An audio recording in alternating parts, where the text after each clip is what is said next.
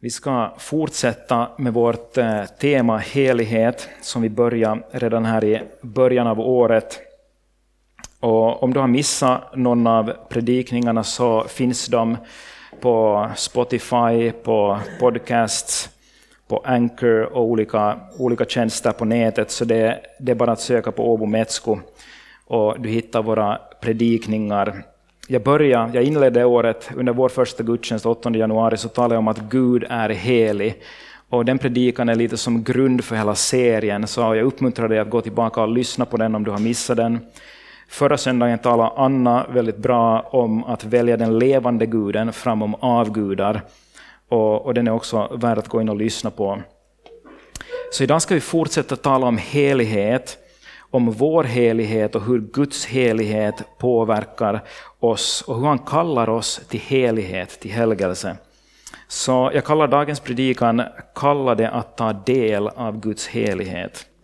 Kalla det att ta del av Guds helighet. Och vi ska börja med att läsa från första Petrusbrevet 1. Jag läser vers 2 och sen vers 13 till 17. Där står det så här. Ni är av Gud Fadern förutbestämda till att helgas genom Anden, så att ni lyder och blir bestänkta med Jesu Kristi blod. Må nåd och frid i allt rikligare mått komma er till del. Sen från vers 13. Spänn därför bältet om livet och var vakna och sätt ert hopp helt och fullt till den nåd som ska komma er till del när Jesus Kristus uppenbaras. Som lydnadens barn ska ni inte styras av det begär som ni tidigare levde i när ni ännu var okunniga. Nej, liksom han som har kallat er är helig ska ni föra ett alltigenom helgat liv. Det står skrivet, ni ska vara heliga, ty jag är helig. Om ni ropar Fader till honom som opartiskt dömer var och en efter hans gärningar, så vandra här i Guds fruktan under er tid som främlingar.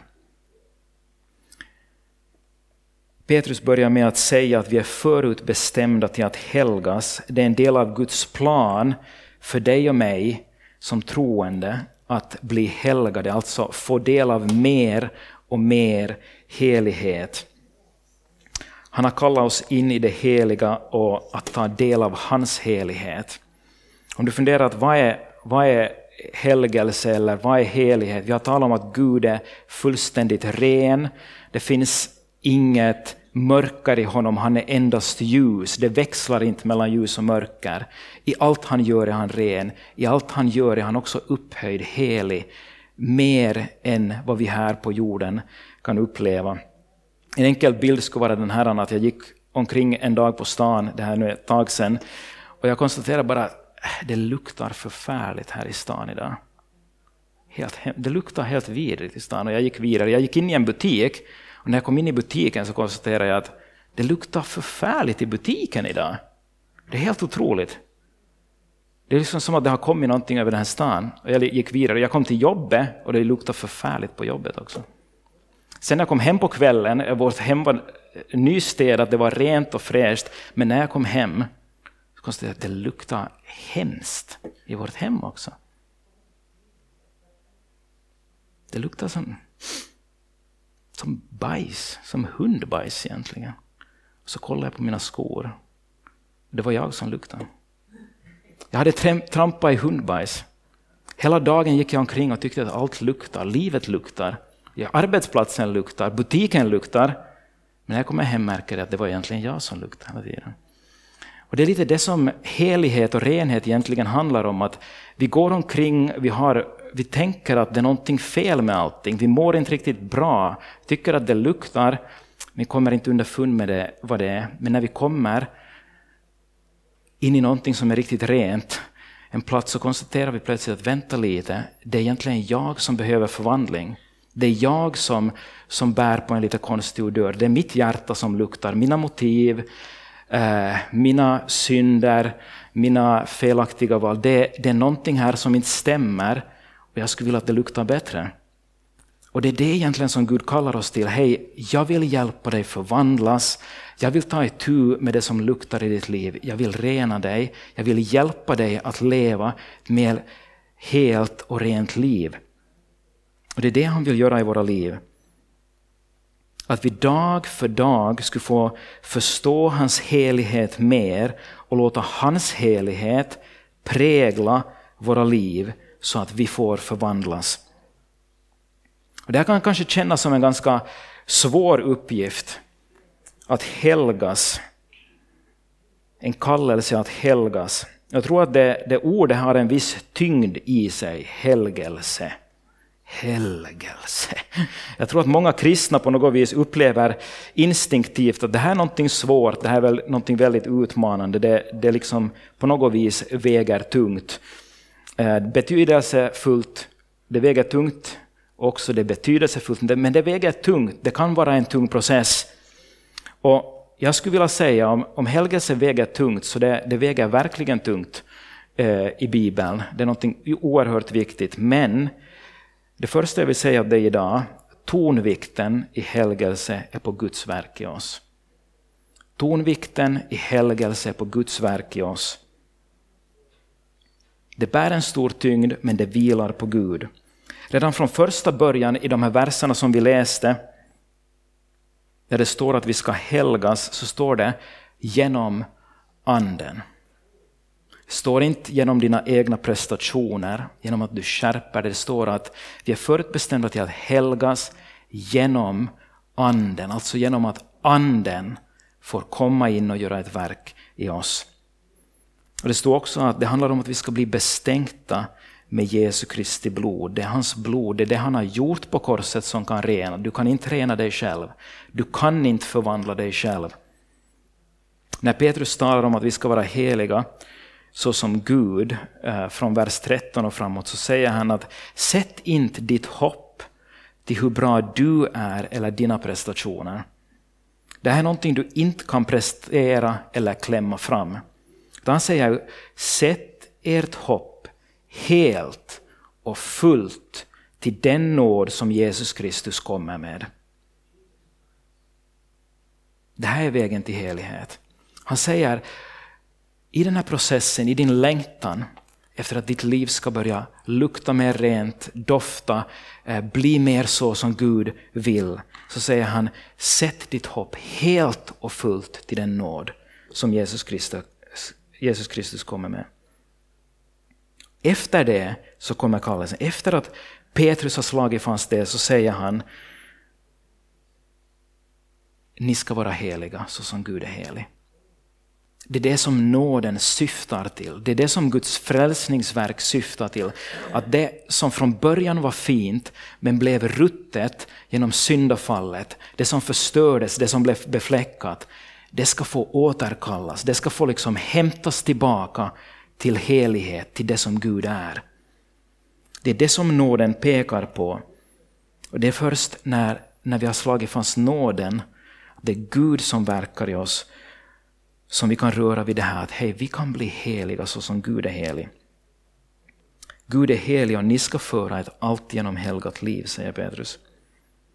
Om det här är nåd så betyder det att det inte händer genom att jag varje dag ställer in mig på att idag ska jag klara det. Och så kämpar vi i vår egen kraft.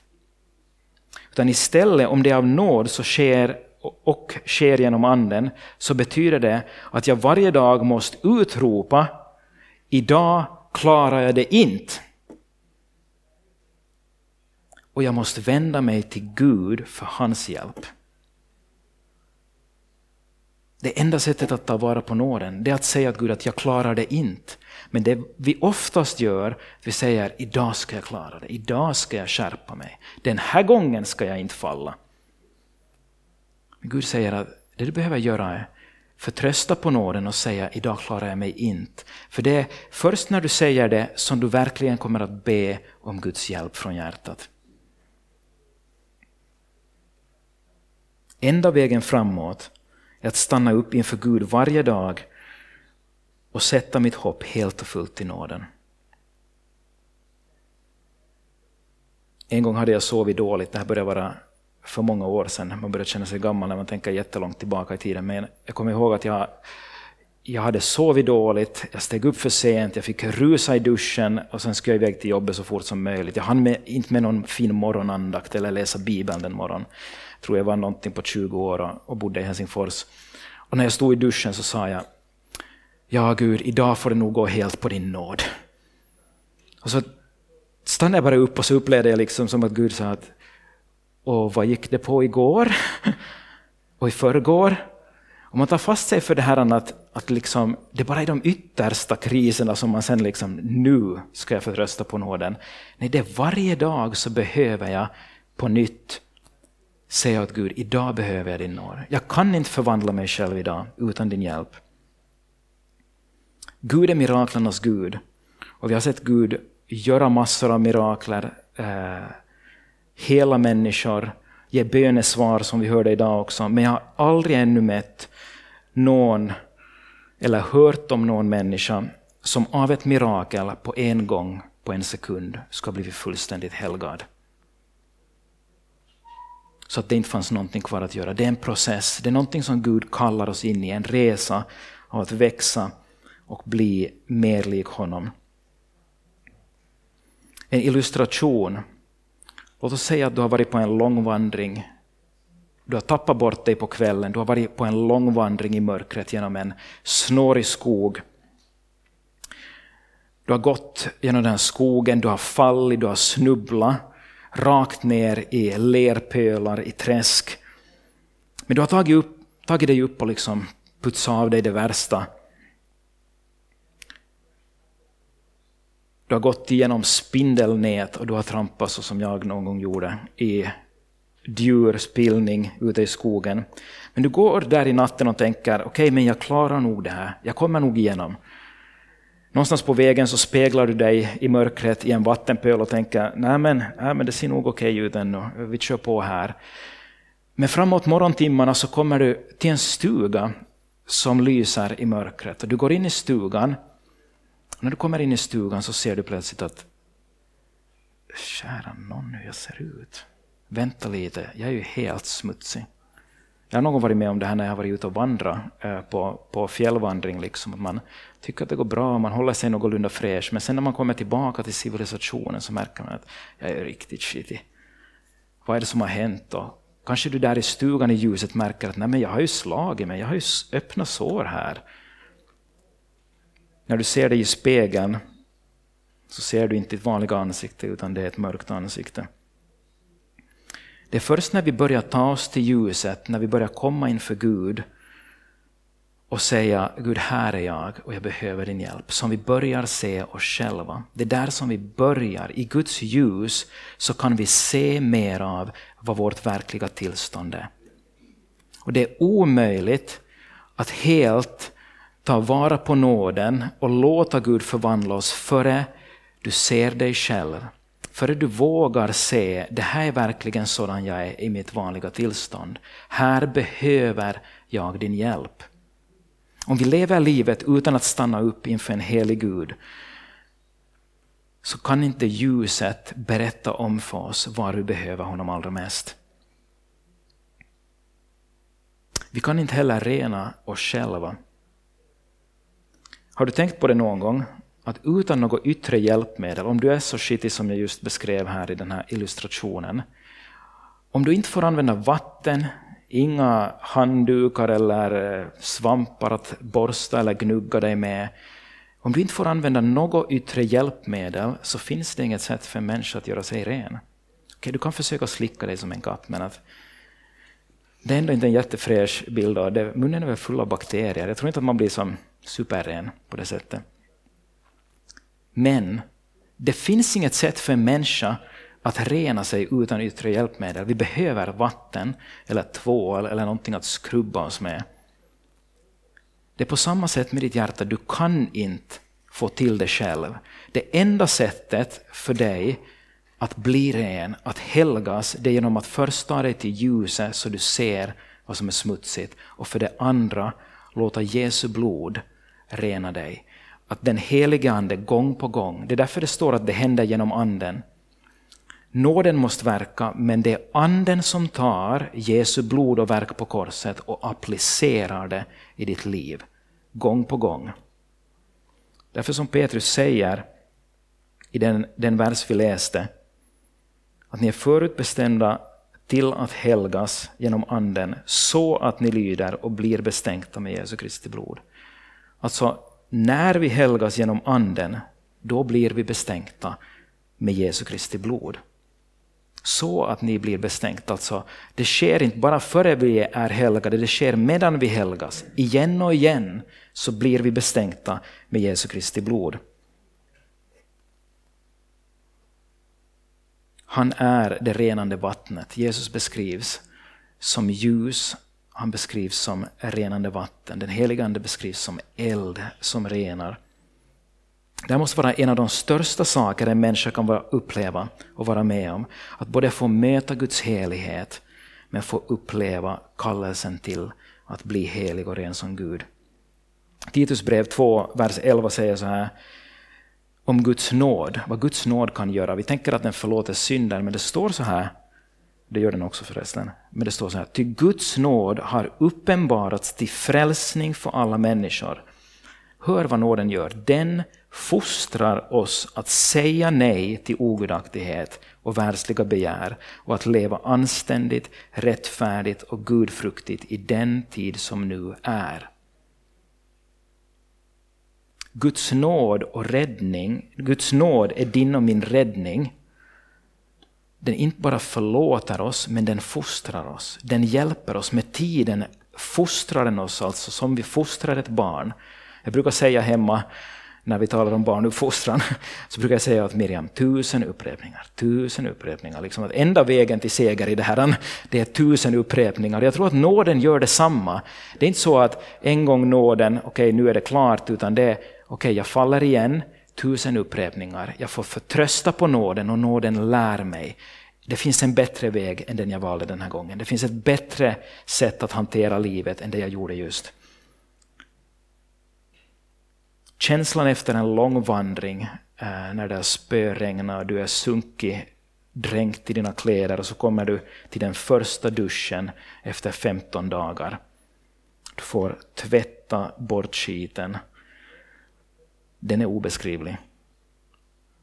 På samma sätt är känslan av att få bli mer och mer ren i hjärtat, dofta bättre och bättre på insidan, helt obeskrivlig. Du vet att någonting har tagits bort av dig. Jo, det är någonting jag har sagt nej till, någonting som har tagits bort. Någonting jag kanske höll fast vid länge. Men istället har jag fått en mycket djupare och mer äkta känsla av frid, renhet och helhet i mitt hjärta. Var inte det Petrus sa i den här eh, första versen vi läste? Första Petrus brev 1 och 2. Må nåd och frid i allt rikligare mått komma er till del. Så när vi helgas, när den här processen sker, må nåd och frid i allt rikligare mått komma er till del. Det andra jag vill säga, det första var att, att det är Guds verk. Tonvikten är på Guds verk. Det andra är att tillbedjan är vägen till helighet. Jag ska förklara vad jag menar. Många gånger tänker vi tillbedjan som lovsång i kyrkan. Och det är det också, det är en form av tillbedjan. Men tillbedjan handlar egentligen om mycket mer. Det handlar om helheten av ditt liv. Har du tänkt på vad som är det första som Jesus lär oss att be i bönen Fader vår. Före han be, lär oss att be om syndernas förlåtelse, som vi ofta sätter väldigt mycket fokus på, att vi måste snabbt be om förlåtelse för allting, eller be för olika behov. Vi har många behov och, och många gånger när vi är nya i tron, vi har kommit till tro, så, så är det viktigaste att få bönesvar, se Gud möta våra behov. Men det är inte som Jesus lär oss att be om först. Istället så säger Jesus så här i Matteus 6 och 9 så skall ni be. Fader vår som är i himlen, helgat blive ditt namn. Det första han lär oss att be handlar om helighet, inte om någonting annat. Jag tycker att det är ganska häftigt. Det är nästan lika stort som det som vi sa eh, i första delen av den här serien, att det enda egenskapen, karaktärsdraget om Gud som upprepas tre gånger och utropas om Gud i himlen konstant, det är helig, helig, helig. Det är vem han är. Det Jesus lär oss att be först av allting, det är helgat blive ditt namn. Det handlar om helighet. Och vi ska inte eh, missa att han också lär oss hur vi ska närma oss Gud. Han säger Fader vår som är i himlen. Han använde ordet Abba, det, det var det närmaste, det, det mest familjära, intima ordet man kunde säga åt sin egen pappa på arameiska. Abba. Det är som att säga pappa till sin eh, kärleksfulla pappa. Så, så han säger att precis det vi har talat om nåden, han säger Gud är oändligt nära dig. Du får säga pappa åt Gud. Och samtidigt är Gud oändligt mycket större och mäktigare än vad vi kan föreställa oss. Han är helig, han uppfyller hela jorden, han är transcendent, hög och upphöjd, han är allsmäktig. Och Det är så viktigt att vi har de två sidorna med oss när vi talar om Gud och att närma oss Gud och hans helighet. Vi får faktiskt säga pappa åt honom på grund av Jesus Kristus. På grund av nåden så kan du säga pappa, men samtidigt är han så helig så vi be behöver ha en vördnad. Så som Boris Salo en gång sa, du kan säga kära pappa, men du kan inte säga tjena farsan. Gud är helig, det finns en respekt där, men vi behöver samtidigt komma ihåg att han är vår pappa. Men vad betyder det att vi ber? Först av allt annat, före vi ska be om något annat så ska vi be helgat blive ditt namn. Alltså, det vi ber är att låt ditt namn bli gjort heligt. Helgat vare ditt namn. Har du tänkt på vad det betyder? Varför kommer det före förlåtelse och bön om att Guds rike ska komma, bön om beskydd, bön om bröd för dagen?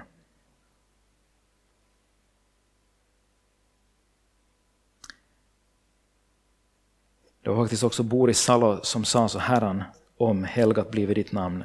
Vi ber om att Gud ska få vara Herre i våra liv, att hans namn får vara kärt och avskilt, alltså helgat, åtskilt från allt det övriga i våra liv, för att Gud ska kunna genomsyra allt i våra liv. Att helga någonting betyder att avskilja det, att det får en särställning. Vi ger det den främsta platsen. Vi sätter det åt sidan. Det är heligt för oss. Det blir upphöjt. Vi ärar det namnet. Vi älskar det namnet. När Bibeln talar om Guds namn, helgat blive ditt namn, så handlar det om att Guds namn ska få bli stort i oss och i den här världen. Den här bönen, helgat blive ditt namn, alltså Gud är ju helig redan, han kan inte bli mera helig än vad han är genom att vi ber. Hans namn är heligt, men när vi ber helgat blive ditt namn så ber vi att den helighet som Gud besitter i himlen, den ska få en helig plats i våra liv och i den här världen. I Bibeln så står namnet för hela personen. Om vi ber i Jesu namn så ber vi i hela personen. Vi ber underställda Jesus Kristus och utifrån vem Jesus Kristus är. När vi ber att helgat blive ditt namn så ber vi att hela personens väsen, alltså hela Guds väsen, karaktär och förmåga ska få bli helgat i våra liv. Så den här bönen talar om och stannar upp inför att Gud själv är helig, vem han är i våra liv och vilken plats han har i våra liv. Det är egentligen tillbedjan. Det är tillbedjan. Vi uttrycker förundran över vem han är. Vi beundrar hans egenskaper. Vi uttrycker vördnad och tacksamhet över det som Gud gör i våra liv. Och inför vem han är, hans handlande. Så det handlar egentligen om att säga ut vem Gud är. Och så ber vi tillsammans. Vi ber Gud, jag ber att du skulle få en särställning i mitt liv. Jag ber att jag skulle bli helgad. Att du skulle få vara det första i mitt liv, på varje område. När jag går till jobbet, eh, i mina relationer, i mina val, i min ekonomi. Gud, låt ditt namn bli helgat. Låt mitt liv återspegla vem du är. Det är vad vi ber om egentligen. Att mitt liv får bli en tillbedjan. Det är därför som Paulus säger så i Romarbrevet 12, vers 1-2. Han säger, så förmanar jag nu er bröder vid Guds barmhärtighet att frambära era kroppar som ett levande och heligt offer som behagar Gud, er andliga gudstjänst. Och anpassa er inte efter den här världen, utan låt er förvandlas genom sinnets förnyelse, så att ni kan pröva vad som är Guds vilja, det som är gott och fullkomligt och som behagar honom. När han talar om våra kroppar, det är igen ett uttryck för hela våra liv, att frambära din kropp, hela ditt liv, som ett levande och heligt offer som behagar Gud. Vi bär fram det till Gud och säger Gud, du får allting. Jag vill att på varje område, i alla delar av mitt liv, så ska du få vara Herre. Jag helgar det åt dig. Jag avskiljer mitt liv för dig, för att din helighet ska få prägla mig. Allt det fina och vackra, allt det hemska och fula. Jag ber att du tar emot det och förvandlar det.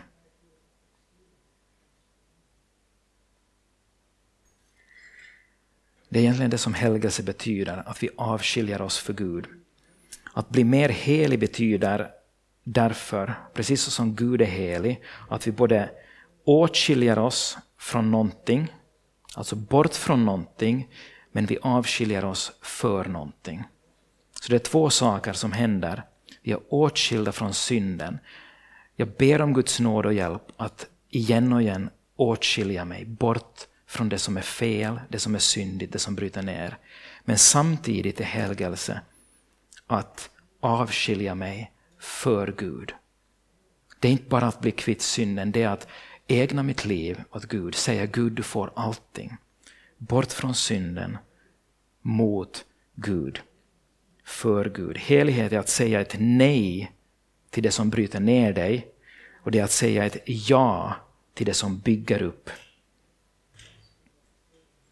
så som det står här, att veta vad som behagar Gud. Att känna hans vilja. Att jag väljer det som behagar Gud och väljer bort det som bedrövar honom gång på gång. Jag basically jag säger, Gud jag vill älska det du älskar. Jag vill hata det du hatar, det som förstör. Det är vår tillbedjan. Att du gör det med ditt liv, att du lever det dag efter dag, att du ber Gud om hjälp att göra det valet varje dag, det är en större tillbedjan än att bara sjunga lovsånger som är viktigt i sig och som är värdefullt i sig. När vi gör det här så blir vi annorlunda. Som vi har sagt att det är ett av, en av sakerna som helig betyder, det är annorlunda än det vanliga. När vi gör de här valen så blir vi annorlunda så som Gud är annorlunda det skiljer oss från mängden. Helighet är någonting som vi kan märka av och känna av i livet. Livet känns annorlunda när Gud får verka i oss och helga oss. Eller ännu bättre, det är att bli lik Gud. Det är att göra de valen som gör att vi blir mera lika honom i allting. Att dras till Guds helighet och låta den fylla oss gång på gång pastor Jack Hayford som är, är, en känd pastor i USA och författare, han sa så här Holiness is the byproduct of worship. Holiness really doesn't have to do with religious things. It has to do with the nature of God invading and pervading your nature. Han säger att det är inte en Helighet det, det, har inte med religion att göra, med, med en massa gärningar vi ska göra för att behaga Gud. Utan det är en biprodukt av tillbedjan, att vi överlåter våra liv gång på gång. Det är därför som, jag vet inte om du la märke till det, men när vi talar om helgelse och Petrus undervisar i, i brevet, det vi läste, så kommer han tillbaka gång på gång till en sak som går hand i hand med att Gud handlar, Gud verkar, Gud helgar. I första Petrusbrevet 1, vers 2 så läste vi att vi är förutbestämda till att helgas genom anden så att ni lyder. Så att ni lyder. Det finns lydnad med i det. I vers 14, som lydnadens barn ska ni inte styras av det begär som ni tidigare levde i.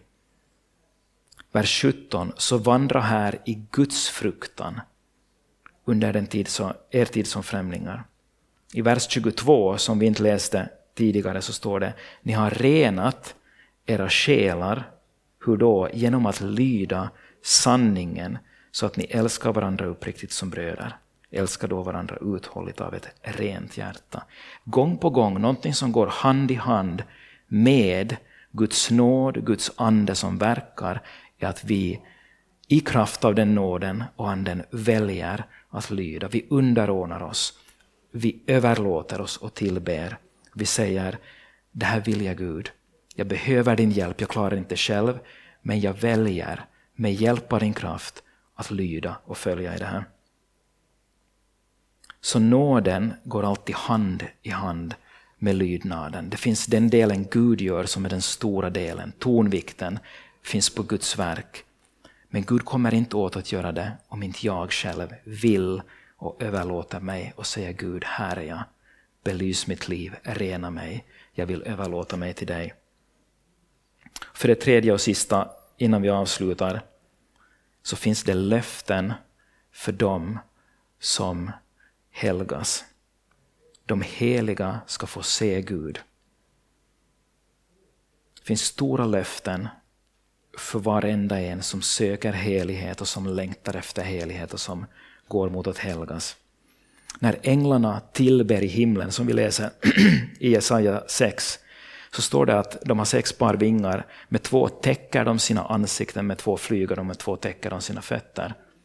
Kan du tänka dig att himlaväsen, änglar som aldrig har syndat, för de änglarna som syndade som föll, de finns inte i himlen inför Gud längre. Så de här änglarna som tillber runt Guds tron, de har aldrig syndat. De har varit i Guds närvaro i hans helighet hela livet. Men när de ser Guds strålglans så täcker de sina ansikten. Det är så stark som Guds helighet och kraft är. När Mose ber om att få se Gud så säger Gud att han inte kan få se hans ansikte, bara hans rygg. För att ingen människa kan se Guds ansikte och leva. Men Jesus säger i saligprisningarna, han säger många fina saker, men ett löfte tycker jag står ut som över alla andra saker i saligprisningarna. Jo, de barmhärtiga de ska få barmhärtighet. De som sörjer de ska bli tröstade. Det är fina saker, men vers 8 i Matteus 5 säger saliga är de renhjärtade, de skall se Gud. Förstår du hur stort det är? De heliga, de renhjärtade ska få se Gud sådan han är.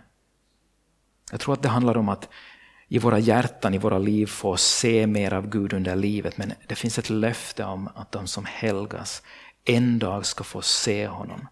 Hans strålglans. Den som änglarna till och med döljer sina ansikten för. Honom ska vi få se ansikte mot ansikte. Hebreerbrevet säger sträva, det är Hebreerbrevet 12 och 14, sträva efter frid med alla och efter helgelse Ty utan helgelse kommer ingen att se Herren. Det är därför som Gud jobbar med oss. Därför som den här processen ibland är jobbig men ack så nödvändig och behövlig i våra liv. Det är för att han har ett mål. Vet du att det finns någonting Gud är mer angelägen om i ditt liv än att du bara ska ha det bra och glida genom livet och fylla alla dina behov. Det finns någonting som är viktigare för Gud, även om han vill fylla dina behov. Han vill att du ska få frid, ha det bra och så vidare. Det finns någonting som är viktigare för Gud. Och det är det att du ska få formas och bli mer Kristuslik. att du ska få renas och helgas och en dag få se Gud. Därför är Gud beredd att låta oss också gå genom vissa lidanden för att vi i slutändan ska komma ut renare och mer heliga. Sista bibelversen, Hebreerbrevet 12, vers 10. Våra fäder tuktade oss ju bara en kort tid efter bästa förmåga, men Gud gör det till vårt verkliga bästa för att vi ska få del av hans helighet. Han längtar efter att du ska få del av hans helighet. Att du ska få smaka på det himmelska goda, känna av vad ett heligt liv är och få leva ett liv som ärar Gud. Därför jobbar Gud med oss, därför kallar han oss och säger vill du stiga in i den här processen allt mer? Vill du låta mig jobba i dig och helga dig? Vill du släppa taget om det du håller fast vid som hindrar dig från att vara verkligen fri? Det kallar Gud oss till. Ett liv i helgelse. Och det är till vårt verkliga bästa. För att vi ska bli de som vi ursprungligen var tänkta att vara. Avbilder av vår skapare som får återspegla en helig Gud i en brusten värld så att allt fler kan få se Gud. Och Det är stort. Det finns ingen högre kallelse. Ska vi be tillsammans? Fader, vi ber att eh,